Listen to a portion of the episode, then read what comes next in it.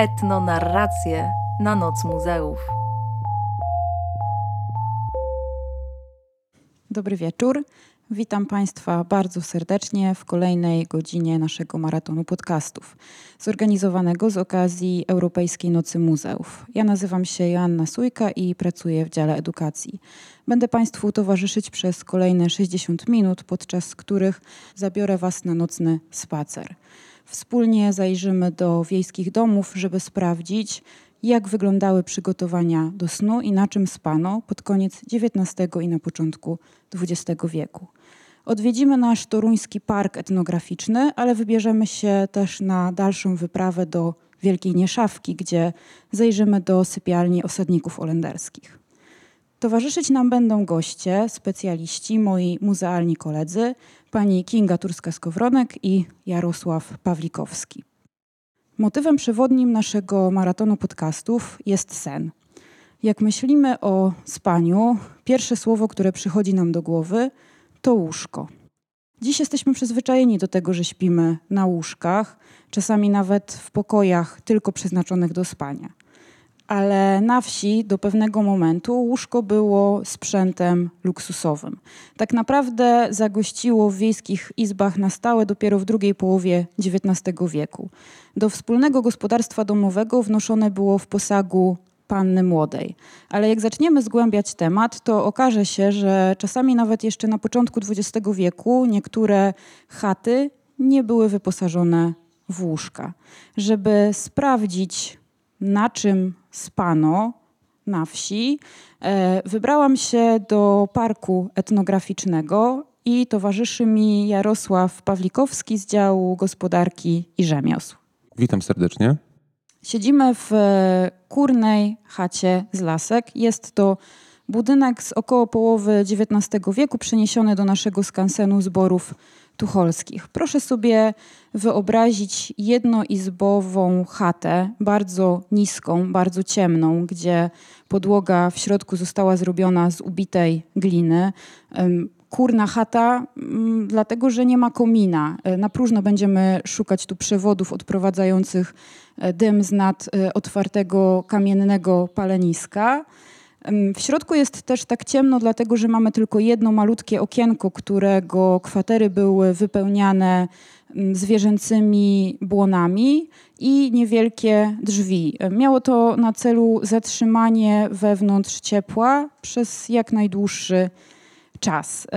Wyposażenie jest bardzo prymitywne, bardzo proste, zrobione własnym sposobem. I ma nam pokazać, jak wyglądały warunki życia bardzo biednej, bezrolnej, dwupokoleniowej e, rodziny. I Jarku, wyobraźmy sobie teraz, że mieszka tutaj siedmioosobowa rodzina, dwoje rodziców, piątka dzieci, z czego jedno bardzo małe. Ja się rozglądam po wnętrzu tej chaty i zastanawiam się, gdzie oni wszyscy kładli się spać. E, siedzisz właśnie na pryczy, e, na której sypiali gospodarze. Jest to bardzo prosta konstrukcja sklecona z desek w połowie tylko oheblowanych, wspartej na okorowanych palikach. Deski, na desce mm, jest słoma, posłanie wymoszczone jest słomą i przykryta derką. E, poza tym e, obok pryczy znajduje się podwieszana e, do sufitu na sznurku kołyska w formie plecionego koszyka. Kołyska znajduje się w bezpośredniej bliskości pryczy, ponieważ matka w nocy, gdy dziecko się budziło, mogła mm, ukołysać je do snu, nie wstając z posłania. Y, obok pryszy znajdują się również dwie ławy, mm, z których jedna również jest wymoszczona e, słomą, na której mm, mogły z powodzeniem sypiać e, nieco starsze dzieci. E, w momencie, gdy jednak dzieci było więcej, nic nie stało na przeszkodzie, jeśli mm, w nocy przynoszono jeszcze jeden snopek słomy i rozściełano go wprost na klepisku. I tam też można było przespać noc, po czym słomę sprzątano i mm, wynoszono na zewnątrz. Mhm. A to łóżko, na którym siedzę, czy łóżko to może za dużo powiedziane, ta, to wyrko czy prycza, e, jest bardzo wąskie. Mm, tak jak wcześniej mierzyliśmy, sprawdzaliśmy jakiej ono jest szerokości, wyszło nam, że ma metr szerokości, tak? Tutaj spali e, rodzice, czyli dwie osoby. Jest to, jest to prysza dwu, dwuosobowa. Mm, spokojnie mieścili się tutaj e, gospodarz z żoną. E, bywało i tak czasem, że sypiały też razem z nimi młodsze dzieci. To było tak zwane sypianie w nogach. Tak jak wspominaliśmy, wyposażenie jest bardzo skromne, można nawet powiedzieć, że prymitywne, więc y, nie ma co tutaj szukać y, pościeli, prawda? Tak jak wspominałeś, na, bezpośrednio na tych y, twardych wyrkach leży słoma, na którą zarzucano płachty lniane, ale czym się okrywano? Bo w nocy było na pewno zimno. Odpowiedź jest prosta. Czym się dało? W tym wypadku były to często właśnie e, jakieś stare derki, koce, ewentualnie kożuch e, lub nawet płaszcz. W zasadzie okrywano się tym, co akurat było pod ręką, co, czy, co, co było dostępne. Mhm. A głowę mm, układano na poduszkach, bo mamy tutaj poduszkę, ale jest ona wypełniona. Tak, poduszka, poduszka to jest lniana poszewka wypełniona słomą. Zdarzało się również, że gospodarze, jak nie mieli słomy, bo byli też i tacy, wypełniali poduszki grochowinami na przykład. Jasne, oczywiście. Grochowina to była druga alternatywa dla słomy. Wróćmy mm, do tego, że jest zimno w nocy. Mamy tutaj otwarte palenisko, na którym przez cały czas gospodyni utrzymywała jednak e, płomień ale na pewno w zimowe noce temperatura e, bardzo spadała. Czy był też jakiś sposób na to, żeby dodatkowo się ogrzać? Bo spanie pod samym kożuchem wydaje mi się e, jednak mało komfortowe, a mm, jeśli mamy siedem osób, e, a jeden kożuch, no to reszta okrywała się jakimiś zgrzebnymi płachtami, najprawdopodobniej dzieci. Czy gospodarze mieli jeszcze jakiś sposób na to, żeby trochę jednak się ogrzać w nocy?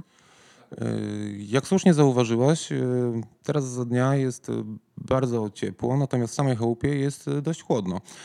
Na otwartym palenisku starano się ogień podtrzymywać przez cały czas, czyli 24 godziny na dobę. Ale miano jeszcze własne, indywidualne sposoby w ogóle, aby mm, zwiększyć tą ciepłotę pomieszczenia.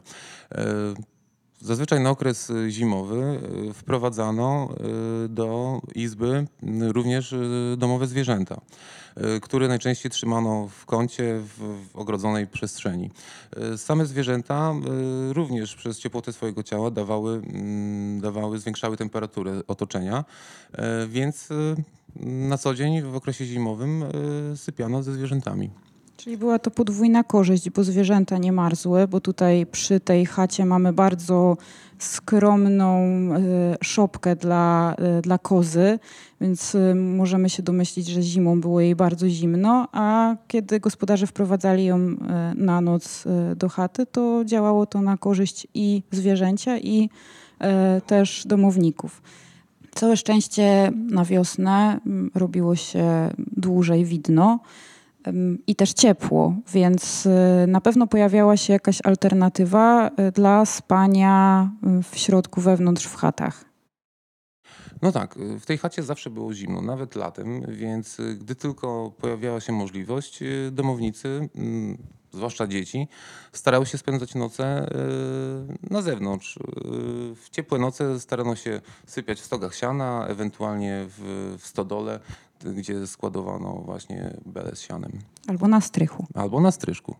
Biorąc pod uwagę mm, to, że mieszkała tutaj bardzo biedna rodzina, mm, musimy pamiętać y, o tym, że nie mieli oni specjalnego ubioru do snu. W takim razie, czy się przebierali przed spaniem?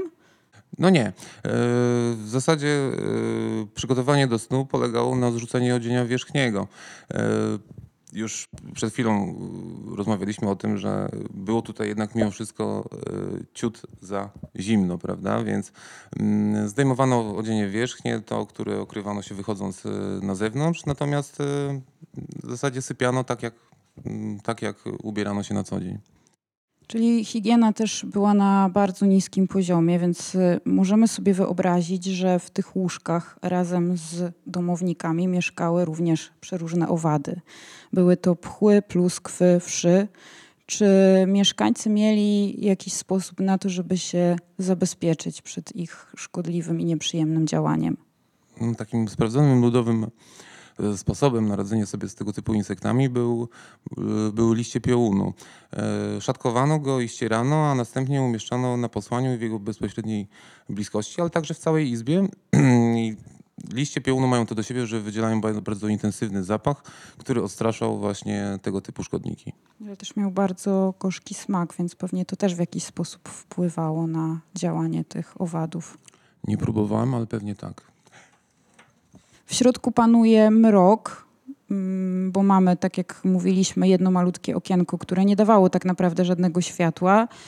Nocą czy późnym wieczorem e, było tutaj jeszcze ciemniej. Czy mm, gospodarze jakoś doświetlali izby? No, kiedyś zdecydowanie rytm dnia wyznaczały wschody i zachody słońca. W zasadzie, gdy robiło się ciemno, ludzie szli spać. E, Natomiast w przypadku tej chałupy, e, oczywiście poza głównym źródłem ciepła i mm, światła, jakim było otwarte palenisko, mamy również kaganki. Tutaj w tym wypadku akurat mamy kaganek żelazny, ale były też kaganki drewniane. E, Była to prosta konstrukcja zasilana e, tłuszczem zwierzęcym. Mimo wszystko jednak e, dawały one bardzo nikły płomień i były mało efektywne. Dobrze, Jarku, położyliśmy już do snu domowników e, z bardzo m, biednej e, chaty. Dla kontrastu chciałabym, żebyśmy teraz m, poszukali miejsca m, m, mieszkania bogatych gospodarzy, żeby sprawdzić, jak tam wyglądały miejsca do spania. No to może w takim razie, Asiu, udajmy się do Zagrody Zborów Tucholskich.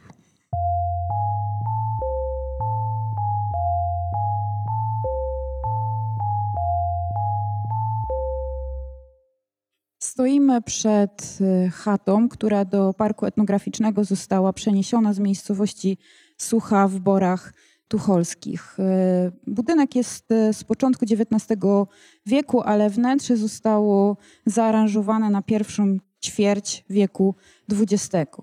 Mieszkała tu bogata, trzypokoleniowa rodzina Gburów, czyli zamożnych gospodarzy. Chata jest w porównaniu do tej, w której byliśmy przed chwileczką, wysoka i wieloizbowa. Ale wejdźmy do środka. Przez reprezentacyjną sień wchodzimy do izby, w której mieszkali rodzice z czwórką dzieci.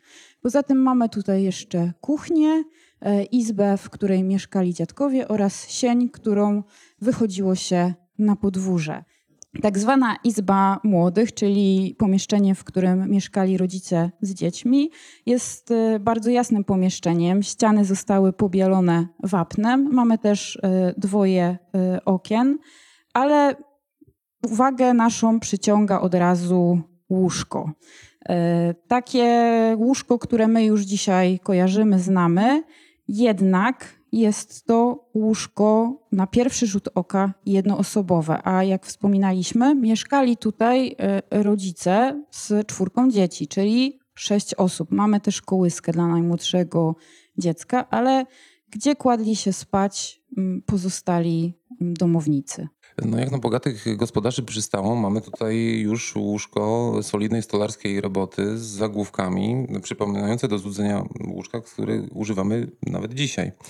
E, Specyfika tego łóżka polega na tym, że tak jak zauważyłaś, na pierwszy rzut oka wygląda ono na łóżko jednoosobowe. Ale w tym przypadku akurat mamy e, do czynienia z łóżkiem e, rozsuwanym, rozsuwanym wszerz, ponieważ e, przy jednym boku tego łóżka znajduje się rozsuwana szuflada, która po rozsunięciu powoduje, że łóżko tak naprawdę e, podwaja swoje rozmiary. Bo jak y, byśmy zmierzyli, może zmierzmy, jego szerokość przed rozłożeniem to jest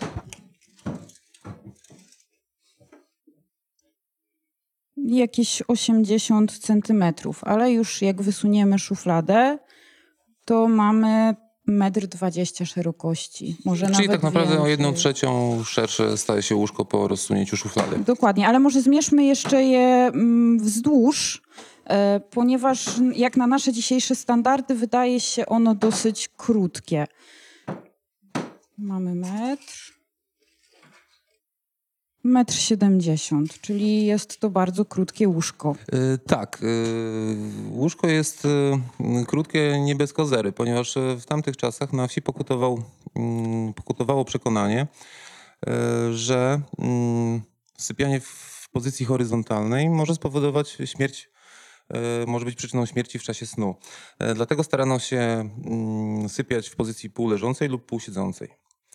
E, Taki zwyczaj w zasadzie mm, znamy już od czasów średniowiecza i przez bardzo e, długi czas pokutował właśnie wśród proste, prostego ludu, ale także wśród e, warstw wyższych społeczeństwa. Ale było to też bardzo praktyczne rozwiązanie, bo nawet jeśli izba jest dużo większa niż ta w chacie z lasek, to jednak wstawienie tutaj łóżek dla sześciu domowników spowodowałoby, że nie mielibyśmy jak się po niej poruszać, prawda? A jeszcze jest stół, e, bieliźniarka, szafa, więc nie byłoby gdzie wstawić pozostałych Tak, mebli. bez wątpienia zazwyczaj to były wielodzietne rodziny i każdy fragment y, podłogi był istotny. To zaoszczędzało bardzo dużo miejsca. Oczywiście także i w tym przypadku e, młodsze dzieci e, też sypiały w nogach, w nogach rodziców, tak jak chałupie z lasek. Czyli możemy przypuszczać, że spało tutaj dwoje dorosłych, dwoje rodziców i jedno bądź dwójka dzieci w nogach, ale mamy jeszcze kolejne e, dwoje dzieci. Najmłodsze spało na pewno w kołysce, która stoi po sąsiedzku. Tak, kołyska to też jest konstrukcja na, na biegunach, aby ułatwiać kołysanie e, malucha. E, Także y, stolarska robota, łóżeczko z przyczółkami, Bardzo porządne w porównaniu do tego, bardzo porządne w porównaniu z tym, z czym mieliśmy do czynienia e, w, w chałupie z lasek. tam po prostu gospodyni wykorzystała mm, kosz wiklinowy, który został podwieszony e, pod e, sufitem, ale tutaj mamy już mebel, który był albo zamawiany u stolarza, albo kupowany gdzieś na jakimś jarmarku bądź Tak, jasne, targu. oczywiście. To już jest mebel profesjonalnie stworzony przez rzemieślnika. Mhm. No dobrze, ale to ciągle mamy jednak za mało miejsca, bo jeszcze mamy jedno dziecko do położenia. Czy jest jeszcze tutaj miejsce, gdzie mm, to dziecko mogłoby spać? No, Wspomniałaś o y, izbie przeznaczonej dla dziadków i w takich sytuacjach właśnie podrzucano y, to dziecko y, do dziadków, które spały z dziadkami też najczęściej w nogach. Dziadkowie mieli również, również łóżko podobne do tego, w którym sypiali młodzi gospodarze. I nic nie stało na przeszkodzie, aby, aby to dziecko mogło w nocy z tymi dziadkami sobie sypiać. Czyli tak naprawdę do mm, osiągnięcia wieku dorosłego dzieci nie miały swoich własnych posłań. E, No, zdarzały się wyjątki od tej reguły, ale najczęściej właśnie bywało tak, że e, dzieci własnego posłania dorabiały się, e, osiągając wiek e, nastoletni, już prawie niemalże dorosły. Mm, A czy takie starsze dziecko mogłoby spać na ławie, bo mamy tutaj taką specjalną ławę. E, Tak, mamy tutaj jeszcze w izbie mm, szlaban. E, Od niemieckiego Schlafbank, czyli ława do spania. E, Jest to konstrukcja podobna bardzo do ławy, ale mm, wyposażona w oskrzynię, wysuwaną oskrzynię na zasadzie szuflady. Tutaj wieko można podnieść, prawda? tak, i za dnia konstrukcja ta służyła do siedzenia, natomiast e, wieczorami podnoszono siedzisko, wysuwano szufladę, e, wkładano siennik i można było spokojnie spędzić tutaj e, całkiem wygodnie noc. Do siennika zaraz wrócimy, tylko chciałam jeszcze zapytać, bo mm, tutaj ta klapa mm, mogła narobić trochę szkody, opadając mogła nawet kogoś uderzyć. Czy w jakiś sposób ona była blokowana? E, No ona zawsze była blokowana zazwyczaj za pomocą e, drewnianego kołka lub, lub metalowego haczyka. Mamy tutaj takie specjalne e, otworek, gdzie właśnie można było włożyć kołek i zablokować. Tak, można było wetknąć drewniany, tą- tą drewniany klapę. Korek. Dobrze. Czy to miejsce, w którym stoi ten szlaban, ono jest jakieś zupełnie przypadkowe, czy mm, został on tutaj ustawiony w jakimś celu? Bo mamy tutaj drzwi, które prowadzą do stajni. Tak, y, nie, nie przypadkiem y, szlaban stoi y, koło mm, wejścia do stajni, ponieważ w sytuacjach kryzysowych, czyli takich na przykład, gdy okazało się, że wieść gminna doniosła, że gdzieś w okolicy po- pojawiła się banda koniokradów, mm, gospodarz przenosił się y, na noc y, na szlaban y, i skąd mógł nasłuchiwać, czy ze stajni dochodzą jakieś podejrzane odgłosy świadczące o tym, że ktoś próbuje y, skrać mu żywy inwentarz, w tym przypadku akurat konia. Które były bardzo cennymi zwierzętami. Oczywiście, no bez konia mm, nie można było funkcjonować y, normalnie na y, gospodarce w tamtym czasie. Był niezbędnym zwierzęciem, bardzo potrzebnym, tak. dlatego nie dziwne, że gospodarz sypiał w pobliżu stajni, żeby pilnować swojego dobytku. Ja chciałam cię, Jarku, jeszcze zapytać o pomocników, bo mówiliśmy, że jesteśmy w domu bardzo bogatych gospodarzy. Mieli oni około 20 hektarów ziemi. To jest y, bardzo spory kawałek e, i na pewno kosztował bardzo dużo pracy.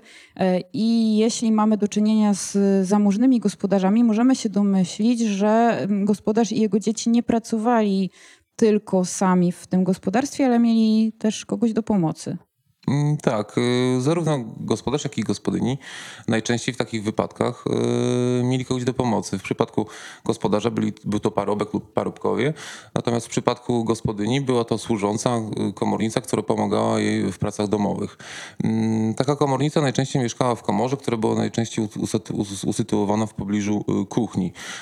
Ona sypiała też najczęściej na mm, nieco prostszej konstrukcji łóżku, coś, czegoś w rodzaju pryczy, która wyścielana była słomą i nakryta derką. Albo nawet na ławie też, E, prawda? Nawet na ławie, y, oczywiście.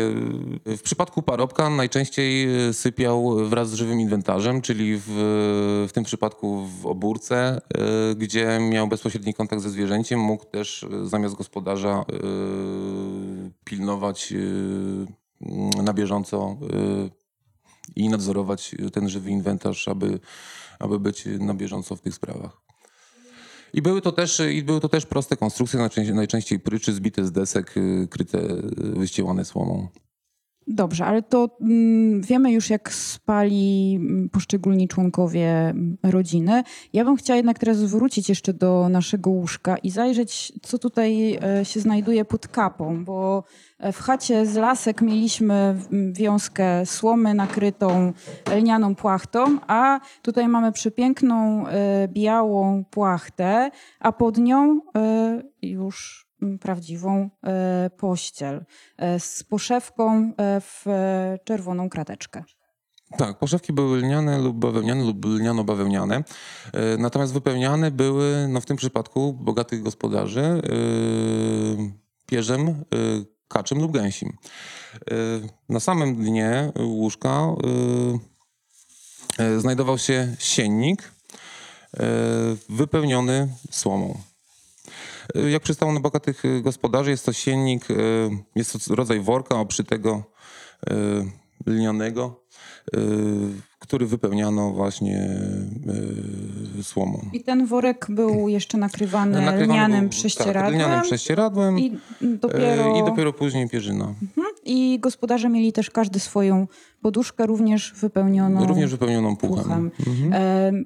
Puch kaczy bądź gęsi dawał dużo ciepła, jednak e, w zimowe, jesienne, zimowe wieczory w takich e, chatach e, było chłodno.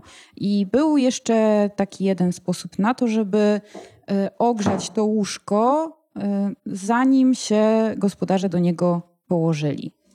Tak, właśnie wyciągam, wyciągam z podłóżka podgrzewacz, zwany też termoforem.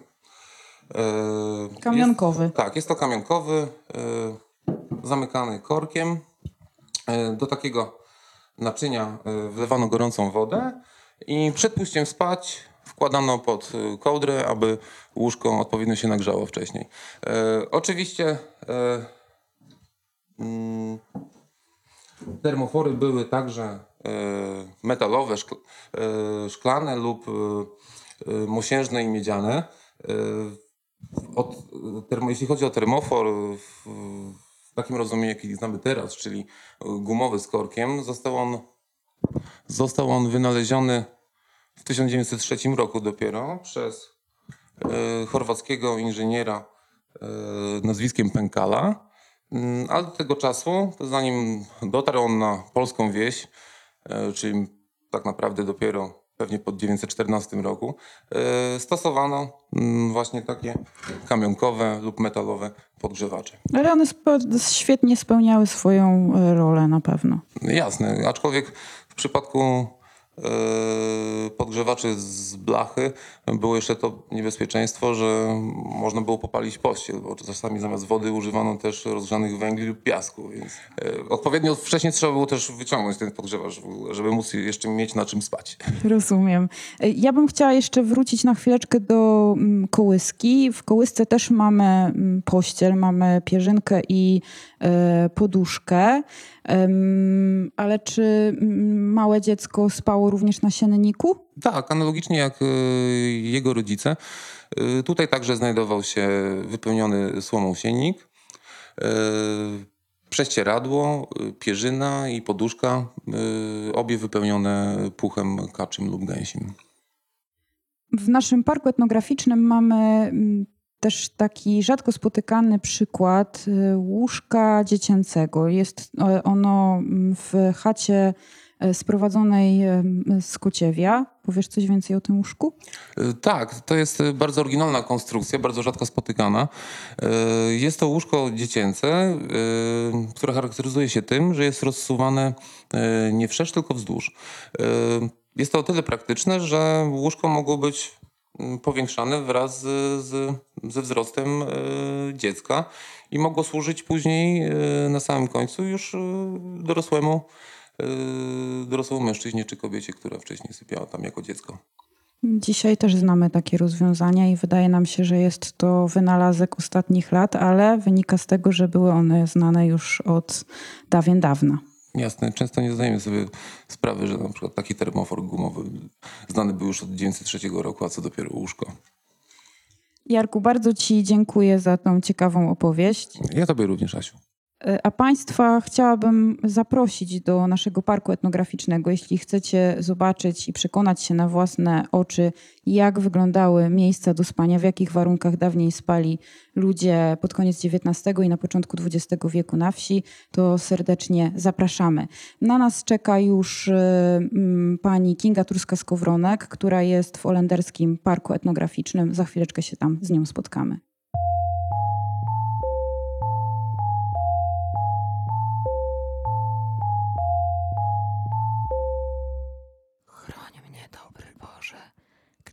Spać położę. Niech Twoi anieli staną u pościeli. Dałeś mi dzień cały, żyć dla Twojej chwały. Daj bym powstał zdrowo, chwalić Cię na nowo. Amen.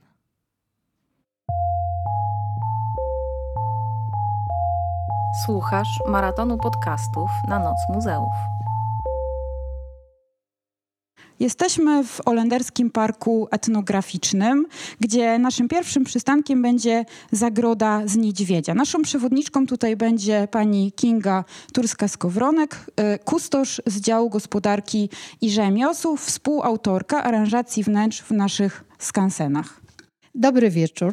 Sypialnia e, gospodarzy w zagrodzie z niedźwiedzia, zagrodzie jednobudynkowej, gdzie pod jednym dachem zostały umieszczone wnętrza mieszkalne, obora i stodoła, znajduje się na piętrze. Żeby się tam dostać, musimy wejść po bardzo stromych schodach. Zapraszam.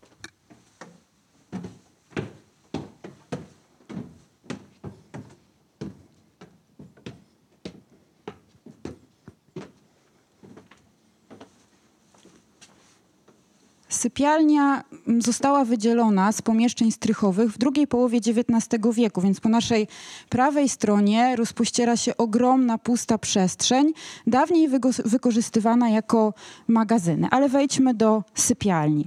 Proszę sobie wyobrazić, że wchodzą Państwo do niskiego, bardzo obszernego pomieszczenia, którego ściany zostały wyłożone ciemną drewnianą błazerią. Na wprost wejścia mamy dwoje okien, które na noc zasłaniane były drewnianymi okiennicami. W centralnym miejscu sypialni stoją dwa osobne łóżka rozdzielone szafeczką nocną. Mamy tu również dwudrzwiową szafę, kołyskę dla dziecka, toaletkę i komodę. I teraz wyobraźmy sobie, że do tej sypialni wchodzi gospodyni. I pani Kingo, proszę nam opowiedzieć, jak gospodyni z rodziny Menonitów, średnio zamożnej rodziny Menonitów, przygotowywała się do snu. Przede wszystkim trzeba jeszcze powiedzieć, że mamy też do przechowywania odzieży kufer, który jest takim najstarszym przykładem właśnie miejsca, gdzie to przechowywano. No i trzeba powiedzieć to, co pani mówiła, że mamy pomieszczenie, które jest no, chłodne, zimne, ale zimą ogrzewane jest przy pomocy kozy. Tak, żeliwna koza, która tutaj e, nie dawała zapewne zbyt dużo ciepła, więc trzeba pewnie było się na noc porządnie opatulić. opatulić. I myślę, że jeżeli przychodziła tutaj gospodyni, to mogła podłożyć troszeczkę ognia do kozy, po to, żeby było troszeczkę tutaj, żeby zaczęło być troszeczkę cieple, ciepło. No, ale kierowała się w stronę łóżek. Jedno łóżko jest dla mężczyzny, drugie łóżko właśnie jest dla kobiety, o czym świadczą położone na pięknych pościelach koszule nocne i dla mężczyzny i koszula nocna dla kobiety, która już się różni tym, że ma piękne wstawki właśnie z koronek, no najczęściej fabrycznych, ale były też koronki, które robiono ręcznie albo hafty ręczne. To zaznaczmy e, jeszcze pani Kingo, że koszula y, męska nie, nie przypomina dzisiejszej piżamy. Jest to koszula, która fasonem przypomina tą damską, bo też sięga poniżej kolan, prawda? Tak, ma długie rękawy i oczywiście dawała taką szansę też na to, żeby się ciepło odziać przed pójściem właśnie do łóżka. Nasze dwa łóżka, które właśnie są sienniki, na dole mamy sienniki ze słomy, na to mamy oczywiście przykryte są prześcieradłem i mamy bardzo piękne poduszki i pierzyny wypchane puchem najczęściej gęsim A czy kacze też się zdarzało? też się zdarzało, ale mówimy właśnie tutaj, że no, puch na pewno dawał jakąś taką szansę na to, żeby było w tym pomieszczeniu nam przy, w czasie spania cieplej. I teraz myślę, że osoba, która tutaj przyszła, mówimy o kobiecie, kierowała się do bardzo pięknej umywalki. To jest taki bardzo ładny mebel, który jest Toaletka, może opiszmy to trochę, Toaletka, bo może tak. mm, warto o tym powiedzieć. toaletki, to jest, tak, nie e, umywalki, tylko toaletki, chociaż to są różne nazwy. E, sz- Szafka dwudrzwiowa, na blacie której stoi miska ceramiczna Tak. i obok e, ceramiczny dzbanek. Tak, i do tego dzbanka nalewano gorącą wodę i oczywiście później kobieta rozbierała się zazwyczaj do połowy, mogła być jeszcze w spódnicy, ale myślę, że i taką górną część sukni albo rodzaj jakiejś koszuli, bluzki ściągała, była w jakiejś haleczce dziennej i wówczas nachylała i się myła. Y, W czym się myła? No, takim pierwszą rośliną, którą używano do mycia, to był korzeń mydlnicy, bo on, proszę Państwa, się my, pieni, tak. E, Były też takie sposoby, że ten korzeń pocierano po prostu o glinianą jakąś kawałek gliny mokrej po to, żeby on się właśnie troszeczkę nam spienił. I to były przed tym, kiedy zaczęto używać mydeł. To był bardzo taki delikatny rodzaj środka myjącego. Tak, i dzięki temu można było umyć i twarz i ręce, prawda, prawie, że jak dzisiaj można powiedzieć w jakimś tam salonie spa. Tak.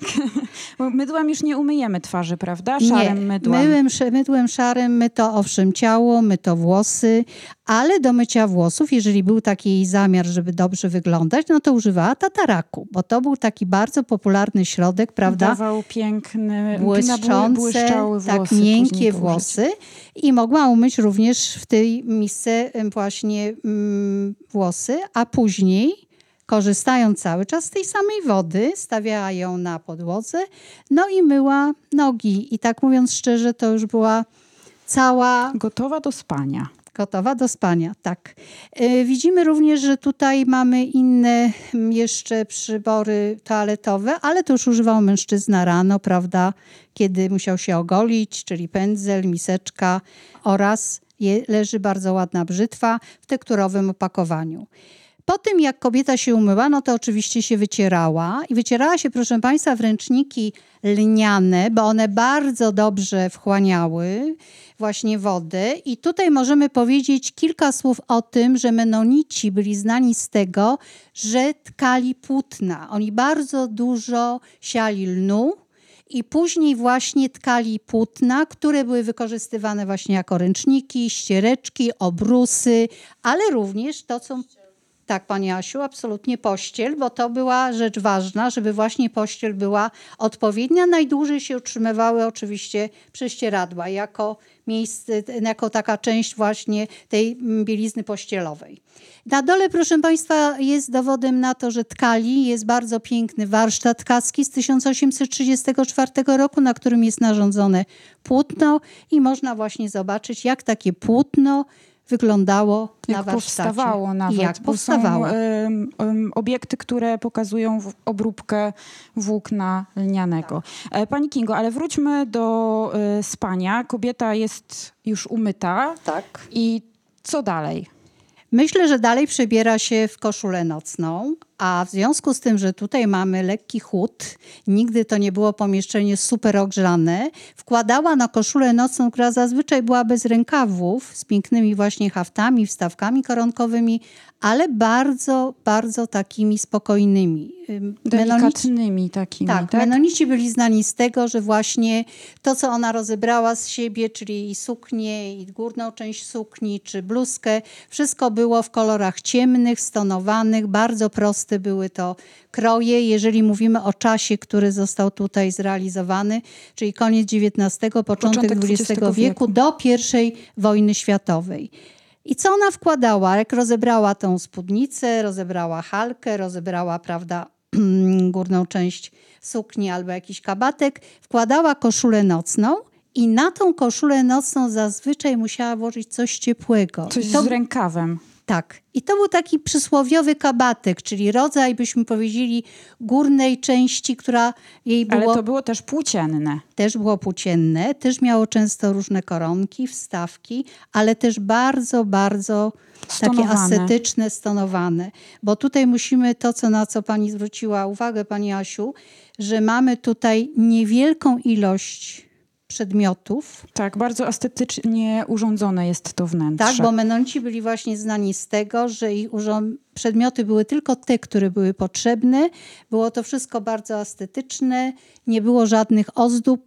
No i tutaj, jeżeli wracamy do naszej pani, która już jest rozebrana, ma koszulkę, jeszcze Zakładała coś na włosy, na głowę, bo tutaj mamy w koszu przygotowaną bieliznę, którą pewnie chciała włożyć do szafy i na wierzchu leży płócienny czepek. czepiec. I te czepki były zarówno używane przez nią do spania, były to czepki często nazywane takie czepki nocne, prawda, nocnice w niektórych regionach, ale czepki, które ona po uczesaniu bardzo gładko włosów z przedziałkiem, zawiązaniu często bardzo ścisłego warkocza, wkładała jeszcze czepiec. On miał chronić ją zarówno przed zimnem, jak i tak mówiąc szczerze, chronić piękną pościel przed zabrudzeniem, bo też chodziło o to, żeby właśnie Te włosy nie były kiedyś tak często myte, jak my to robimy, prawda? i dlatego właśnie też dbano o to, żeby ta pościel na dłużej była, no dłużej była czysta. A jak już gospodyni założyła e, koszulę nocną, kabatek, czepiec, czy mm, sprawdzała jeszcze co z dzieckiem? Bo mamy tutaj też kołyskę, która świadczy o tym, że e, w pobliżu e, łóżka matki e, no, spało dziecko. Oczywiście, że musiała podejść, otulić to dziecko, przykryć, zobaczyć, czy dobrze śpi, czy nie na przykład nie naciągnęło za bardzo na główkę kołderki. Bo też czy... mamy pościel dla dziecka, prawda? Tak, Tutaj pościel tak- na dziecka była szyta, szczerze mówiąc, zazwyczaj e, w ten sposób, że to były jakieś resztki tkanin, Tego które gdzieś płótna zostały. na przykład właśnie, tak, tego płótna, albo na przykład była już jaka troszeczkę może gorszego typu e, poszewka na poduszkę, to z niej robiono później, prawda, taką pościel e, na mm, do Poszewkę łóżeczka. na tak. kołderkę na przykład. Tak, poszewkę na kołderkę albo poszewkę właśnie na podusie, ale zazwyczaj były to rzeczy, które nigdy nie były takie super nowe, prawda? Były to rzeczy, które wykorzystywano gdzieś tam, no takie powiedziałam, pozostałości, które im zostały. Rozumiem. E, dziecko śpi. E, ja teraz chciałabym zapytać e, o, o taką e, rzecz. Na ścianach nie widzimy, tak jak pani wspominała, żadnych dekoracji, nie ma obrazów, nie ma przede wszystkim przedstawień religijnych, bo jesteśmy do tego przyzwyczajeni, że jak wchodzimy do wiejskich chat, to na ścianach, szczególnie w pobliżu łóżek, jest zawsze bardzo dużo obrazów świętych przedstawień. A tutaj no, nie widzimy niczego takiego. Tak, zgadza się. Nie mamy żadnych paramentów, dlatego że y, menonici nie uznawali żadnego wieszania właśnie krucyfiksów, świętych obrazów. Była to jakby związane właśnie z ich zasadami religii. Jedynym wyjątkiem była Biblia. W myśl zasady wszystkich niekatolickich chrześcijan sola scriptura, czyli samo pismo, jedyne źródło wiary. I trzeba założyć, że przed pójściem spać, zarówno pani gospodyni, jak i gospodarz modlili się. Właśnie było to czytanie fragmentów Starego i Nowego Testamentu oraz odmawianie psalmów. I to była wieczorna ich modlitwa, którą właśnie wykonywano. No i jak już pomodlono się, odczytano, prawda, Biblię, fragmenty, no to oczywiście ostatnią czynnością, która była, to było zgaszenie lampy naftowej, No bo właśnie, nie mamy... trze- trzeba tutaj zaznaczyć, że w, tym, e, w tej zagrodzie nie ma elektryczności i e, gospodarze posiłkowali się lampami naftowymi. I ostatnią czynnością to jest gaszenie lampy i pójście do łóżka.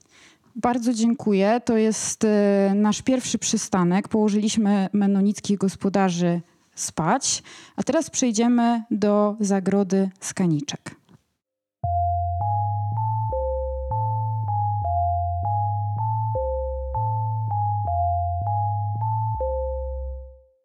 Druga sypialnia, którą będziemy dzisiaj y, oglądać, y, jest w zagrodzie Skaniczek, w zagrodzie z 1757 roku. Y, zagroda urządzona jest tak, żebyśmy mogli sobie wyobrazić, że mieszkała tutaj e, rodzina trzypokoleniowa bogatych ewangelików. I sypialnia, tak jak w zagrodzie z niedźwiedzia, usytuowana została na piętrze. Żeby się do niej dostać, trzeba wejść po schodach i została ona wydzielona również e, z pomieszczeń strychowych. E, Po naszej lewej stronie e, widzimy przeróżne eksponaty, e, ale również związane z pościelą i z przygotowaniem pościeli. Pani Kingo, zdradzi nam pani sekret, co tu tutaj stoi takiego dużego, ciężkiego, drewnianego? No pierwszy obiekt, który nam się rzuca w oczy, to jest duży magiel skrzynkowy z XVIII wieku, przy pomocy którego maglowano pościel, ręczniki, może też jakieś rzeczy do ubioru, jak koszule do pracy, spódnice do pracy, ale trzeba wiedzieć, dlaczego maglowano, bo tkaniny lniane po wypraniu są bardzo sztywne. I jeżeli chcemy tą sztywność w dotyku też. tak. I jeżeli tą sztywność chcemy złagodzić, no bo zupełnie jej oczywiście nie unikniemy, to właśnie maglowano takim maglem skrzynkowym, do którego wrzucano kamienie. No było to zadanie kobiet i tutaj właśnie taki magiel ze sznurkiem, na którym może się suszyć różnego rodzaju jakaś bielizna. Na maglu jest powieszony jeden maglownik, na szturze drugi i to są tkaniny, które mają tutaj bardzo piękne również y, takie wzory. To jest tkanina żakardowa, gdzie są również pokazane no, mag- magle tego typu, czyli magle skrzynkowe. I maglowniki służyły do tego, że w nie zawijano pościel po to, żeby się nam przy maglowaniu zwyczajnie nie pobrudziła o magiel, o jakiś O kamienie na przykład, o kamienie, które oczywiście. były obciążnikami. Bo duże były i jak widzimy tutaj mamy też kufer, gdzie przechowywano może latem zimową odzież. Mamy też powieszone różnego rodzaju rzeczy do ubrania, które można było wywietrzyć albo zostawić. Ale naszą uwagę przede wszystkim już wiemy, jakie piękną pościel będziemy mieć w tej sypialni, bo tutaj wietrzą się piękne dwie poduszki, jedna z haftem Richelieu, a druga z stawkami koronkowymi. To no, mamy tutaj dwa przepiękne przykłady, ale jestem przekonana, że jak zajrzymy do łóżka gospodarzy, okaże się, że tam e, można zobaczyć jeszcze piękniejsze e, poszewki na e, i poduszki, i na kołdry.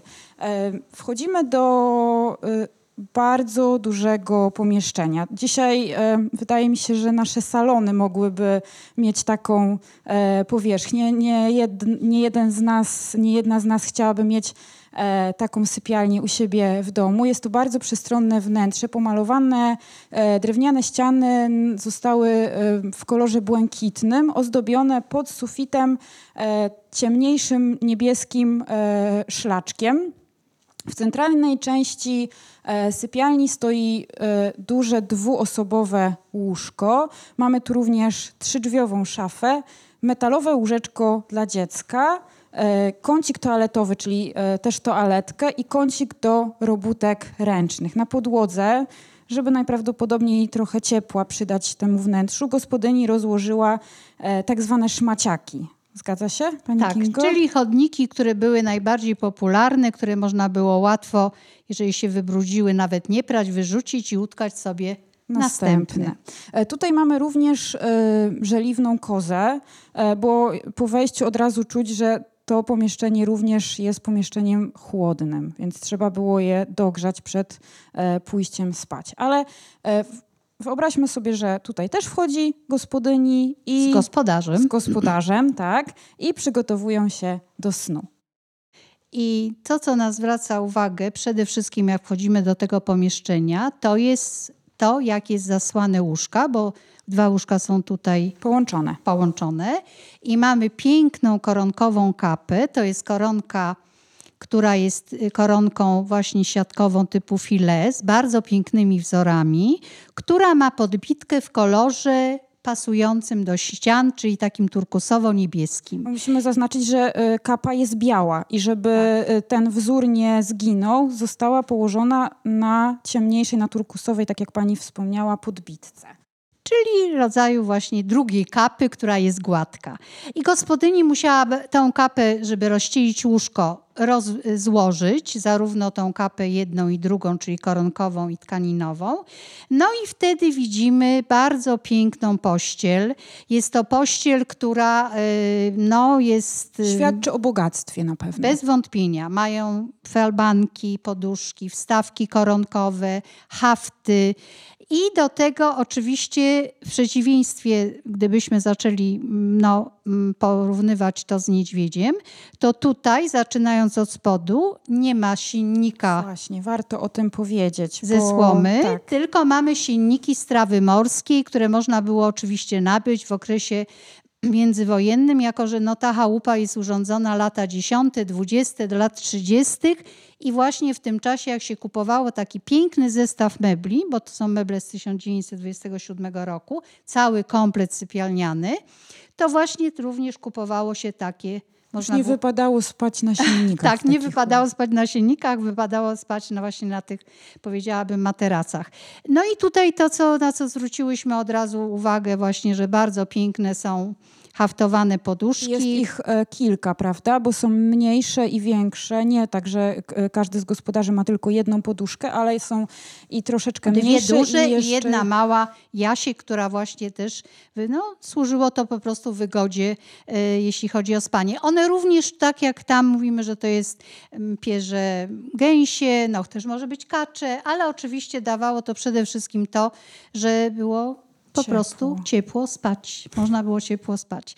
No i tutaj y, trzeba zwrócić uwagę na to, że jak już pani roz, rozścieliła to łóżko, oczywiście składając tą piękną kapę, no to kierowała się na pewno w stronę bardzo ładnej umywalki, którą tutaj, Pani Asiu, mamy różnicę, że tu mamy marmurowy blat, a tam mieliśmy drewniany, Drewniany. który był mal, malowany ala, prawda, tak, na marmur. stylizowany na marmur, a tutaj mamy już prawdziwy e, marmurowy blat, a na blacie przepiękny komplet toaletowy. Ceramiczny. Tak, miskę, dzbanek.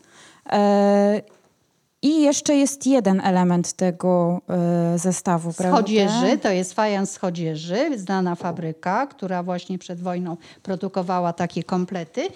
I tutaj mamy rzecz do tego kompletu, jako że widzimy, że ma ten sam wzór, to Panie Asiu, co mamy pod no... Naczynie nocne, czyli Naczynie nocnik. nocne, nocnik. Ale w tym pomieszczeniu, proszę Państwa, są dwa nocniki, bo również pod ym, łóżeczkiem dziecięcym, metalowym, stoi nocniczek właśnie emaliowany dla dziecka.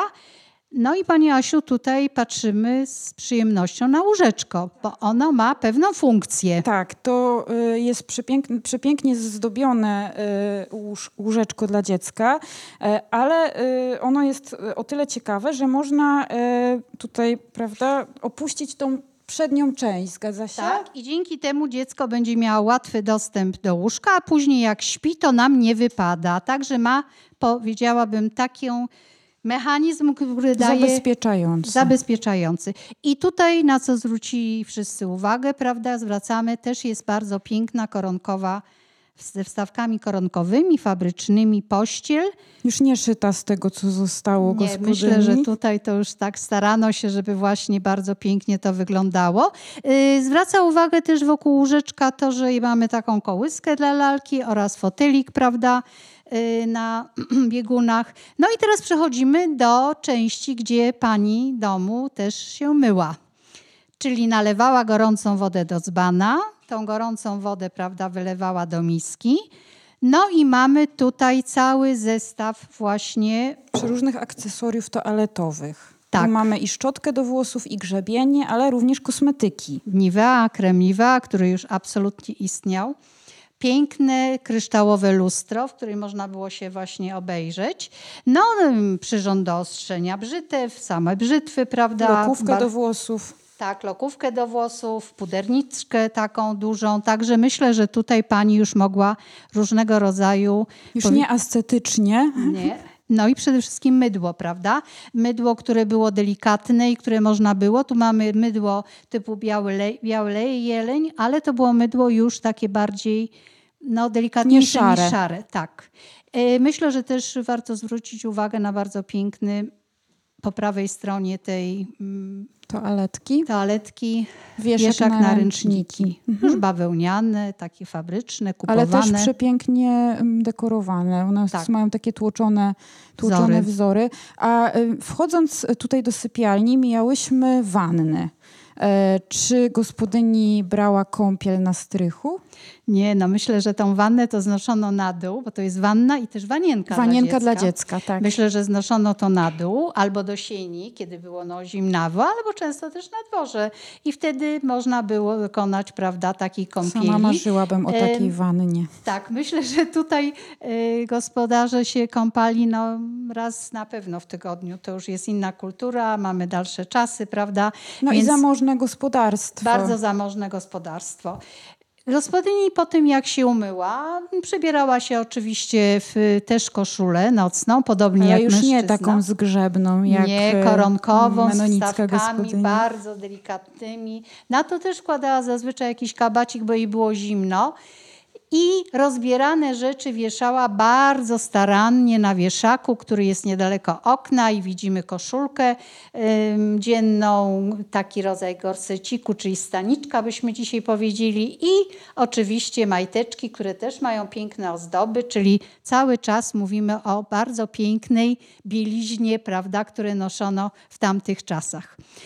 Trzeba zwrócić uwagę, Pani Asiu, jeszcze na to, Tak, y, musimy y, na pewno wspomnieć o tym, że wnętrze no, prezentuje zamożność y, i gospodarze zadbali również o to, żeby było y, udekorowane. I mamy przeróżne typy y, obrazów, obrazków, bo mamy i obrazy na szkle, i obrazy y, haftowane, prawda, i widoczki oraz obrazek nad łóżkiem dziecięcym. No i tutaj właśnie mamy taki bardzo typowy obrazek, który był charakterystyczny yy, i wieszany bardzo często właśnie w domach ewangelików nad łóżeczkiem dziecięcym. Był to obraz przedstawiający anioła stróża. Był to zazwyczaj no, anioł, który ym, troskliwie otaczał przechodzące, zatroskane, yy, zalęknione dzieci, które szły przez kładkę, która nie zawsze miała wszystkie prawda, deseczki i ta kładka była rozwieszona nad rwącym potokiem. No i starano się właśnie w ten sposób powiedzieć, że również ten anioł stróż ma to dziecko, które tutaj, jak Państwo wiedzą, w tym pięknym łóżeczku sobie spało, również ochraniać. Ale z drugiej strony mamy Holenderkę, nawiązujące myślę, że taka młoda Holenderka, która karmi e, tam właśnie ptaszki, Ptactwo. tak, ptaszki, kaczki karmi, proszę Państwa. I ta młoda Holenderka również tutaj no, bardzo pięknie wygląda, niedaleko łóżeczka została powieszona. Ale naszą uwagę przykuwa Pani Asiu przede wszystkim Obraz na szkle wiszący nad małżeńskim łóżkiem. tak. I tutaj widzimy, że na obrazie mamy dwa anioły, prawda, trzymające sentencję w języku niemieckim. I ja tutaj tą sentencję przetłumaczoną e, właśnie przeczytam. Wiara, miłość, nadzieja. Wiara pociesza tam, gdzie miłość płacze. Nadzieja nie pozwala zostać zhańbionym. Oczywiście tutaj też musimy powiedzieć, że ewangelicy modlitwa wieczorna, podobnie jak było u menonitów, tutaj y, dużą rolę odgrywa Biblia i było po prostu czytanie fragmentów Biblii i odmawianie modlitw. I tutaj trzeba wiedzieć, że była odmawiana na pewno modlitwa Ojcze Nasz, ale już nie odmawiano Zdrowaś Mario, bo ewangelicy nie uznają kultu Maryi. I w ten sposób później można już było spokojnie się położyć. Wyłączyć światło, bo tutaj mamy elektryczność, Tak, Mamy prawda? piękny, tak, mamy piękną lampkę nocną. Wcześniej nastawić jeszcze budzik, bo na szafeczce nocnej przy posłaniu gospodarza stoi budzik, żeby gospodarze nie zaspali. i spokojnie położyć się do snu. E, Gospodarze położyli się już spać, e, jednak e, w tak dużym gospodarstwie była jeszcze służba i to ona chodziła spać jako ostatnia. I w zagrodzie Skaniczek mamy również zaaranżowaną izdebkę, w której zamieszkiwała służąca. Jest to izdebka Z położona... bardzo skromnymi meblami, często takimi już, które może gospodarze wyrzucali, które były podniszczone, ale które spełniały swoją funkcję. Mamy tam, proszę Państwa, szafę, mamy też kufer, mamy łóżko rozsuwane. Ale już nie z taką piękną pościelą i chyba nawet nie z siennikiem, prawda? Tak, to już jest wszystko, no tak powiedziałabym, gorszego rodzaju, czyli to, co gospodarzom tutaj już nie, nie, nie było potrzebne, po prostu lądowało właśnie u Żeby pani nie służącej. wyrzucać.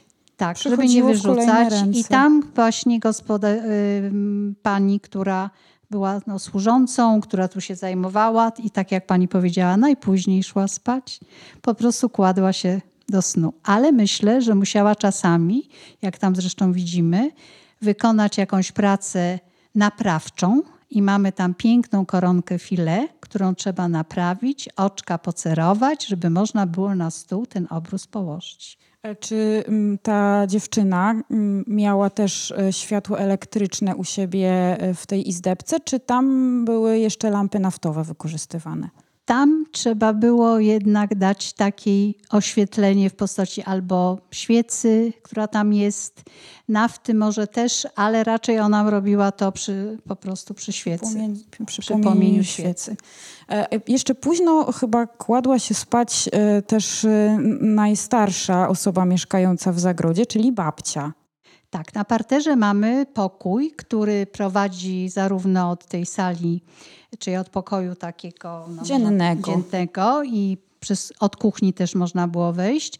Jest pokój babci, gdzie babcia właśnie ma swoje osobne łóżko, bardzo starego typu, nawiązujące właśnie do takich tradycyjnych, starych holenderskich mebli, które występowały tu na obszarze y, naszej Doliny Dolnej Wisły. No i najważniejsza rzecz, że też ma pierzynkę, też ma podnos, podnocniczek i to, co myśmy tutaj y, też zauważyły, że mamy termofor, bo tutaj termofor jest, ale i babcia ma termofor, ma termofor. czyli nalewamy gorącą wodę, szus pod pierzynę i od razu nam jest cieplej. Już pościel nie wydaje się wilgotna, bo z tego, co mm, czytałam i słyszałam, to było takie bardzo nieprzyjemne wrażenie kłaść się w takich e, chłodnych, Tak. wilgotnych pomieszczeniach, że ta pościel wydawała się, że jest mokra. Tak, dlatego że pierze jest hydroskopijne i wszystkie te niestety no, kropelki, które gdzieś tu się zbierają i ta wilgoć, która jest w pomieszczeniu, no przenika do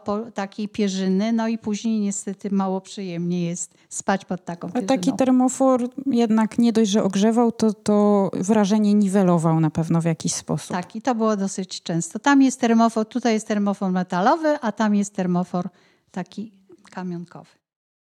Pani Kingo, bardzo Pani e, serdecznie dziękuję za tą wspaniałą e, opowieść. Dziękuję również Państwu, że byli Państwo, wysłuchali te nasze opowieści o różnych sposobach kładzenia się do snu. Dobranoc. Ja również chciałam bardzo Państwu podziękować za ten wspólny czas, za wspólny nocny spacer i za odwiedzenie e, dwóch naszych parków etnograficznych. E, Ja już się żegnam. E, Mikrofon przekazuję mojej koleżance Marcie Domachowskiej, która będzie kontynuowała wątki związane ze spaniem i śnieniem. Dziękuję bardzo. Dobranoc.